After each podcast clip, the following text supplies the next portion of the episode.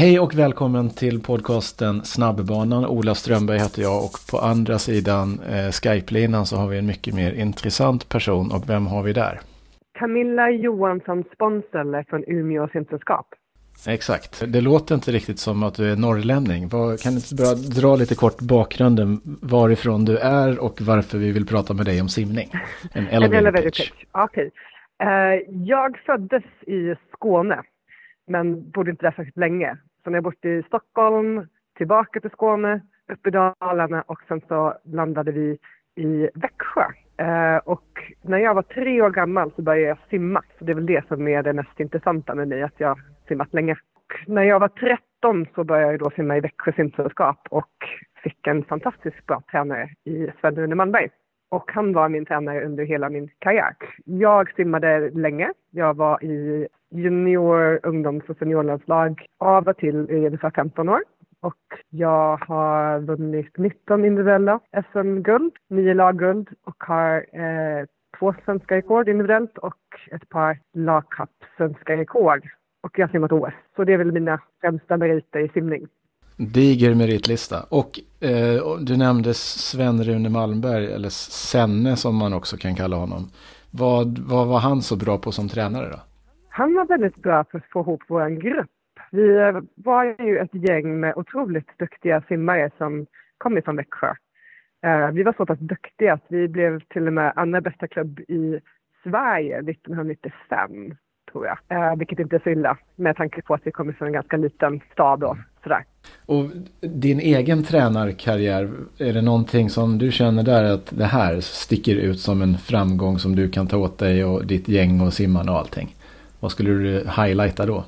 Ja, alltså jag jobbar ju mest, alltså jag är sportchef i gymnasiesällskap, så att eh, min tränarroll är ju lite mer andra hand har varit nu under tio år. Så att, eh, jag har faktiskt inte tränat så himla många eh, själv. Men några stycken har jag ju tränat själv. Eh, bland annat Jesper Jonsson tränade jag när jag var, jag var tränare, chefstränare i Växjö i ett år. Eh, och eh, under den tiden som jag hade honom så, så gick det väldigt bra. Han kom från att simma B-final på SM till att vinna brons och två månader efter jag hade åkt ifrån Växjö så vann han, han guld på SM. Um, sen hade jag en kille som hette Felix Bengtstatin som jag hade hand om mest i, i början av hans karriär. Han är fortfarande väldigt ung.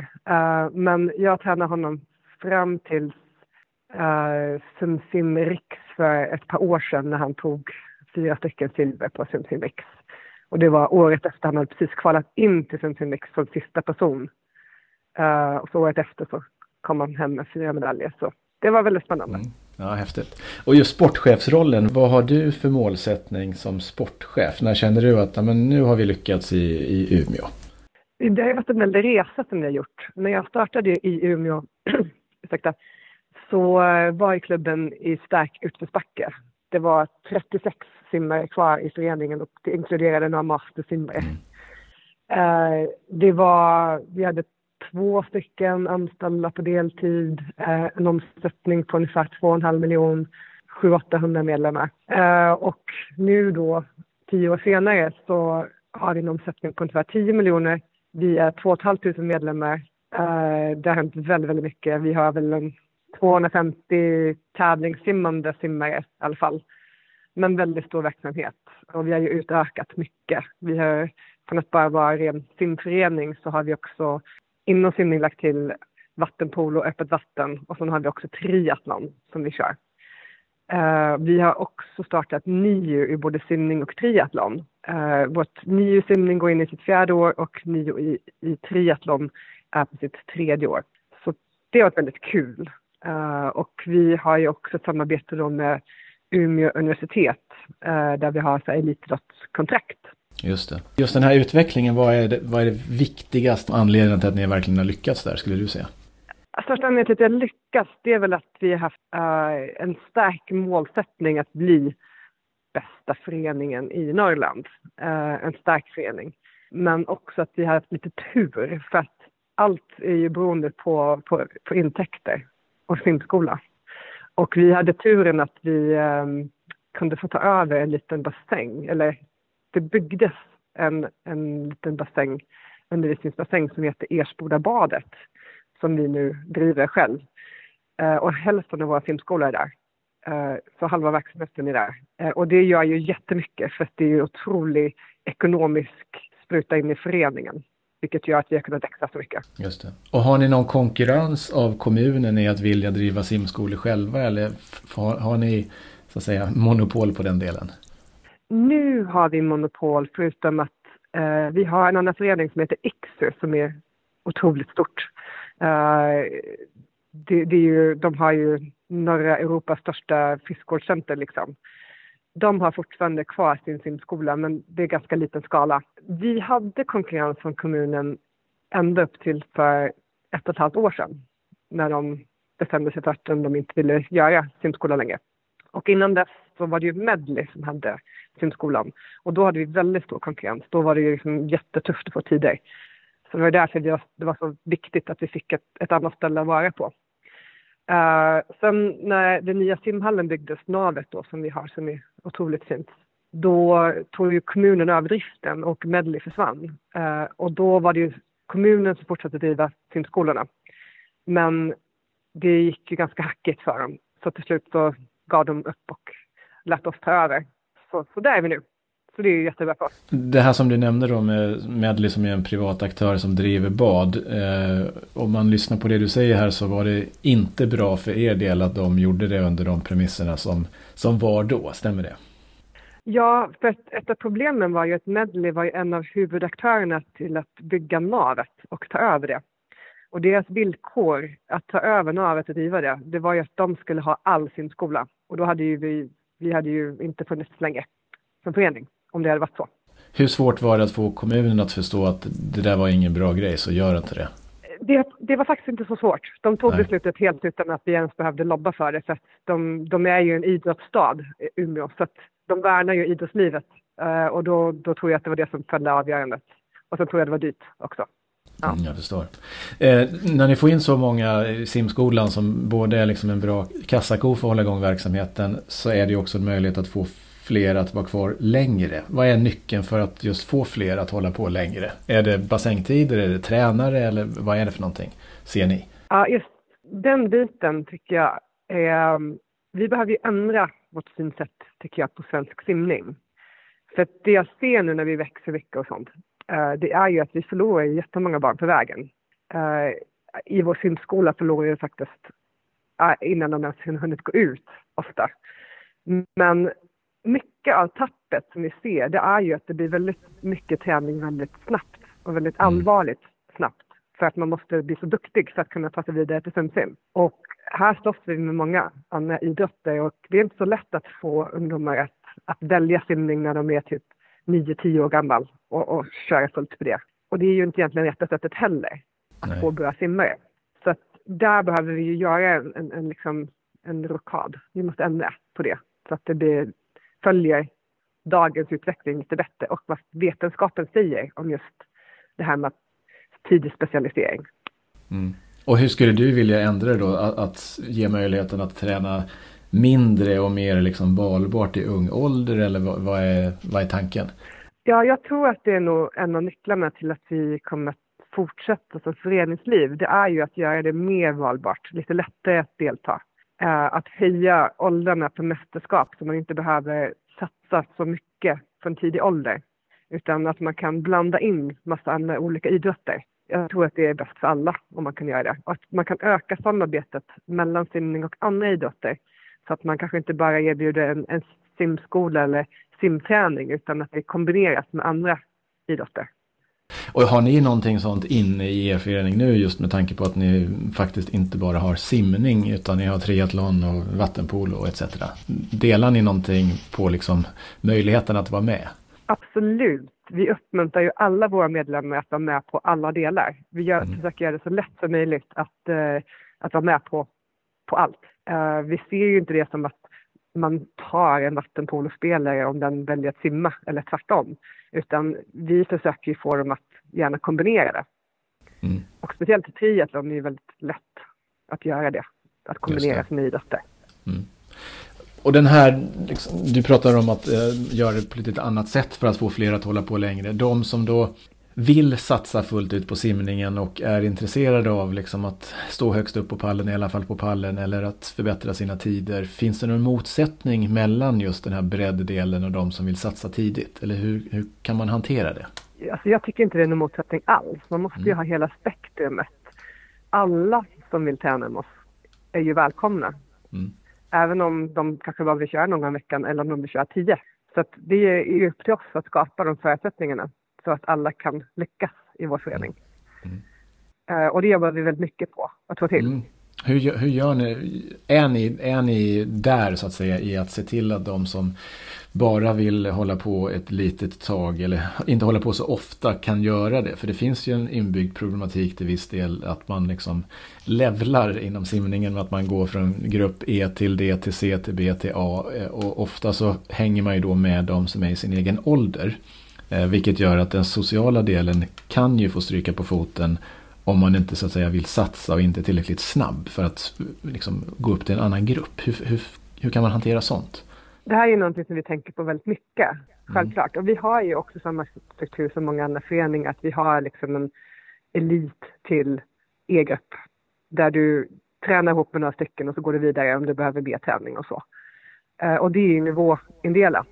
Sen har vi också ett helt gäng med andra grupper som um, är bara är för, för skojs skull, som vi kallar för ungdomsgrupper, som man har lite olika nivåer på. Uh, och de kan tävla om de vill, de behöver inte. Uh, vi erbjuder saker och läger och sånt för dem också. Um, men uh, en annan sak som vi har gjort är att vi har skapat något som heter en X-grupp. Och det är för simmare som inte vill träna så mycket, så du betalar lite mindre för att få vara med i den här gruppen. Men du kan fortsätta träna med din egen grupp, fast eh, bara upp till tre gånger i veckan. Så då har du kvar ditt, ditt sociala sammanhang. Eh, och sen en ändring som vi gjorde nu i höstas, det var att vi har, på grund av att vi har nio i simning och triathlon, så får vi ganska många nya idrottare in. Och det börjar bli ganska många i just gymnasieåldern som tränar med oss, vilket är jättekul. Okay.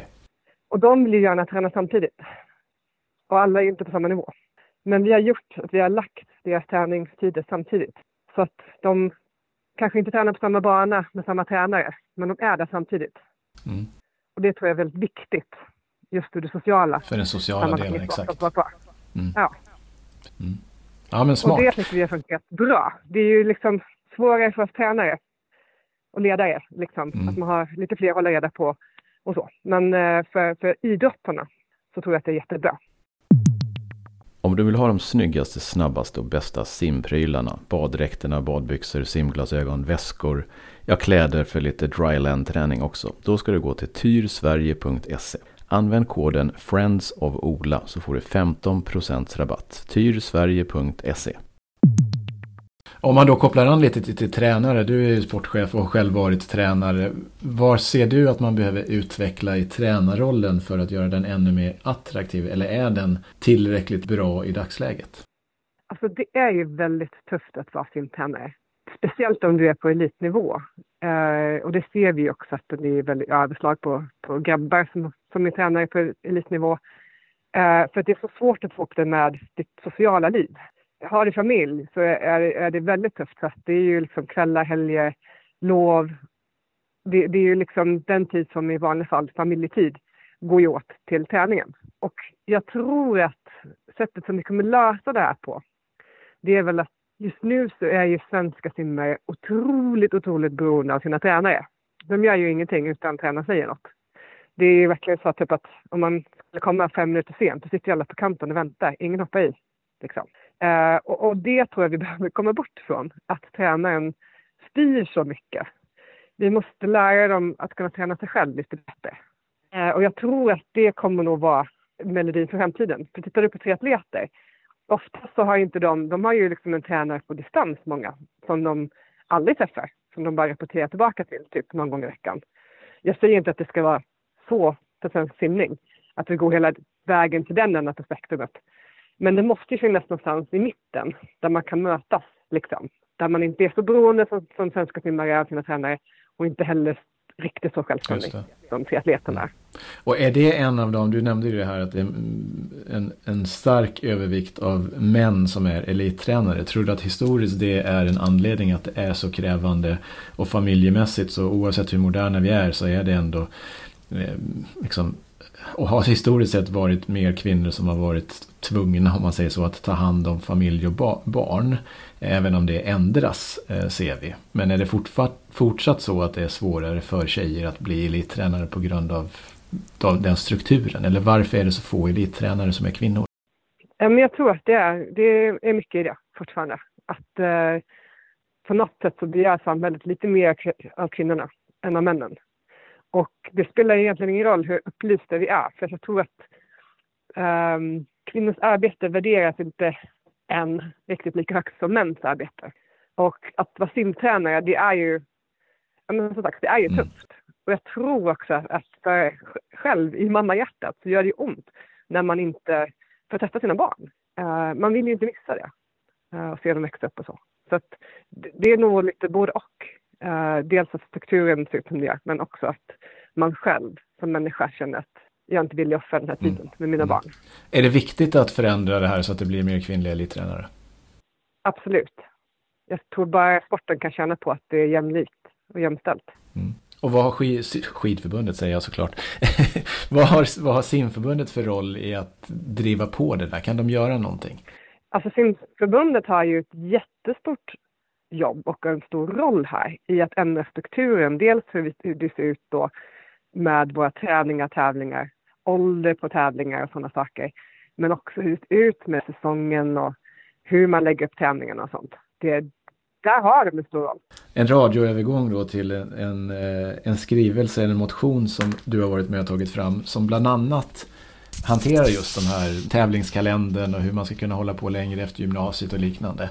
Eh, vad är det som du och dina eh, motionskollegor, skrivare tycker att man behöver förändra i, eh, i stora, stora drag så att säga för att göra det bättre för svensk simning?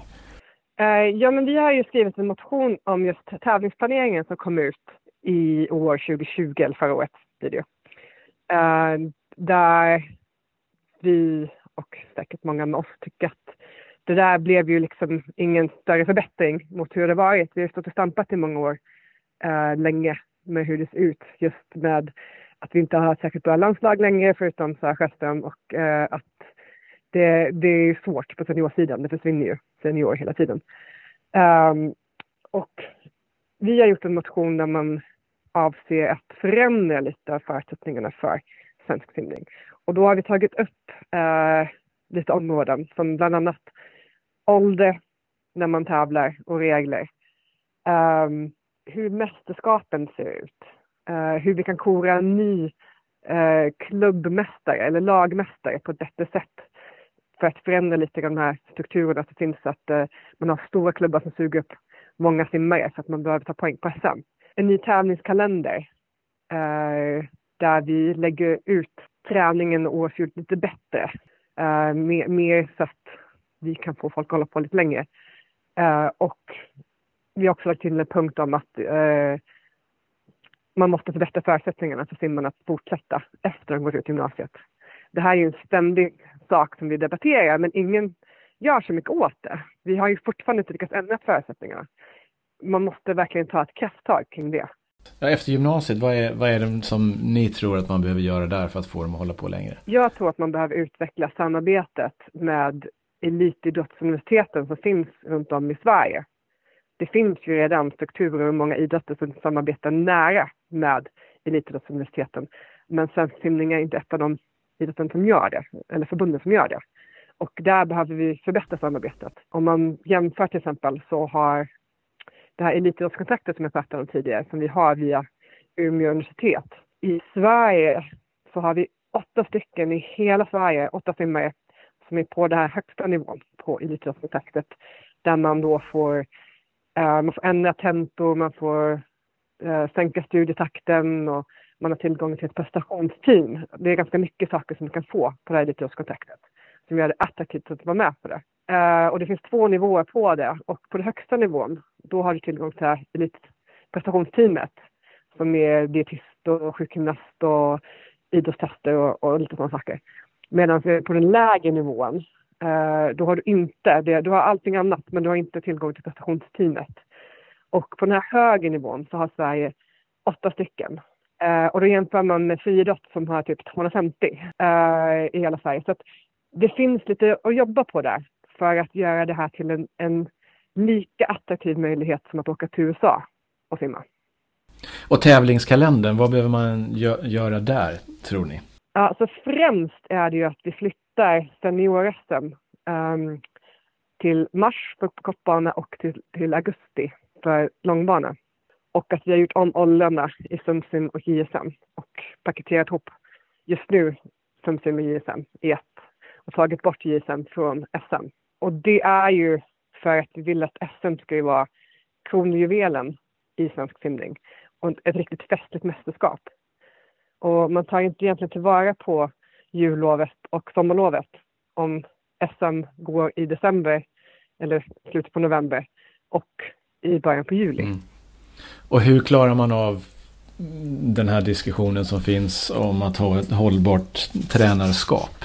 Om man lägger det på de tiderna. Det vill säga tränarrollen kanske blir ännu tuffare att hantera. Eller går det också hand i hand med att man måste förändra tränarrollen och göra den lite mer kanske delat ledarskap på något sätt?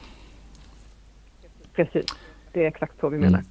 För annars känns det som att om man lägger det i augusti för simutvecklingen helt rätt. Men det kanske är svårt att hitta tränare som är beredda att eh, och acceptera det. Det kan ju finnas ett motstånd. Eller hur ser ni på det? Ja, absolut. Det, det är ju det som är största anledningen till att det har legat där det har legat. Det är ju för att tränarna vill ha sina semester.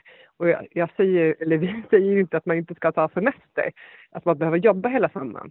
Men det vi menar det är väl att man inte kanske behöver sitta och hålla handen på simmarna hela vägen, alltid, varenda pass. Utan att man kan faktiskt eh, lära dem att ta en del träningen själv. Och kanske delegera till andra tränare så att man turas om lite grann. Det är ju bra för alla, tror jag. Precis. Och om man tittar på just det, det, som ni har lagt fram här. Hur ser, har ni koll på hur det ser ut eh, i andra länder? Gör de, har de den här strukturen eller vad är det som gör att de eh, blir bättre än oss, de som nu blir bättre än oss på elitnivå? Vi har ju kikat en hel del mot USA, hur de, de har lagt upp sin struktur. Uh, och jag säger inte att allting de gör i USA är toppen, för det är det verkligen inte. Uh, deras version av simning är ju att man liksom bara krossar på så mycket som möjligt och de som håller håller. Och så är det många som också faller bort liksom. Och det är inte det jag säger att man ska ta efter. Men man tänker säsongsmässigt så, så funkar det ju bra mm. för USA. Mm. Och de får ju uppenbarligen fram väldigt många duktiga simmare på det här sättet. Så så det är ett av länderna som vi kikat på mycket. Mm. Och hur ser simförbundet på det här tror du? Jag hoppas verkligen det för svensk simnings skull. För jag tror att om vi fortsätter som vi gör nu så kommer vi bara fortsätta att bli mer och mer i periferin. För det är det som händer nu, att vi får mindre uppmärksamhet i media. Det är färre som väljer simning, det är färre som väljer att hålla på. Och eh, tittar man placeringsmässigt så är det ju, Sara håller otroligt hög nivå självklart. Men i övrigt placeringsmässigt så tappar vi ju jättemycket om vi tittar, tittar på landslagsmässigt. Eh, och jag tror att man måste prova någonting nytt. För det här fungerar ju liksom inte. Man kan inte göra samma sak om och om igen och hoppas på ett annorlunda resultat. Mm, spännande. Och vem, om man tittar på simförbundet och deras roll där, hos vem ligger ansvaret för det här nu? Är det hos Ulrika som förbundskapten eller är det hos Mikael som förbundschef eller är det utvecklingsansvar eller vem är det man ska trycka på där eller är det styrelsefråga? Vad tror du? Hur högt måste man upp? Jag tycker Eh, det här är ju en styrelsefråga. För att det som kändes väldigt mycket på det här förslaget som kom fram, det var att det var en tjänstemannaprodukt.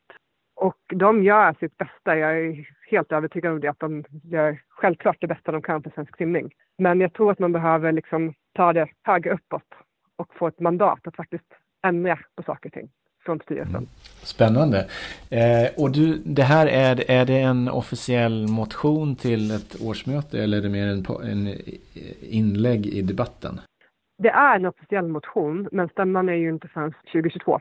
Men i och med att det är ju sånt stiltje just nu på grund av coronaepidemin så känns det som att ska man göra ett omtag så är det ju nu när allting ändå är avstängt.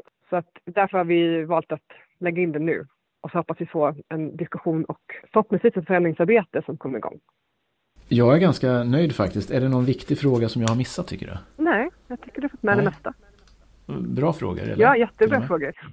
Ja, vad, vad skönt. Och en, en sista viktig fråga. Eh, din egen simmålsättning nu då, vad är det? När man väl får tävla? Min målsättning? Um, ja, jag siktar ju på... Jag är ju väldigt sugen att slå ett Masters världsrekord. Så det är vad jag jobbar på. Uh, jag hade ett par sådana rekord tidigare när jag var typ 30-årsåldern. Uh, men nu är det ju mycket svårare faktiskt. Uh, ju äldre man blir så är det liksom, det är ju tuffa tider. Mm. Så det, Och vilket ligger närmast hands då, då? Långt gnetigt 200 rygg 200 rygg eller? förmodligen, ja. Eventuellt 200 medley. Mm. Ja, 200 medley, åh jävlar det låter ja. ja. ja men bra Camilla, jag är jättenöjd. Ja, men tack så mycket. Ja, så uh, ut och pulsa i snön eller något sånt ja, får ni väl göra. vi får göra det. Ja, bra, ja. tack så jättemycket. Så hörs vi. Tja, tack, hej. Tack. hej. Hoppas att du tyckte pratstunden med Camilla var intressant att lyssna på. Nu är det dags att hoppa in på www.tyrsverige.se.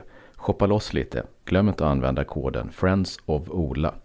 Tyr alltså. Samma märke som till exempel Michelle Coleman använder. Hon simmar alltid snabbast i Tyr och det skulle du också kunna göra. Tyrsverige.se. Hörs nästa gång.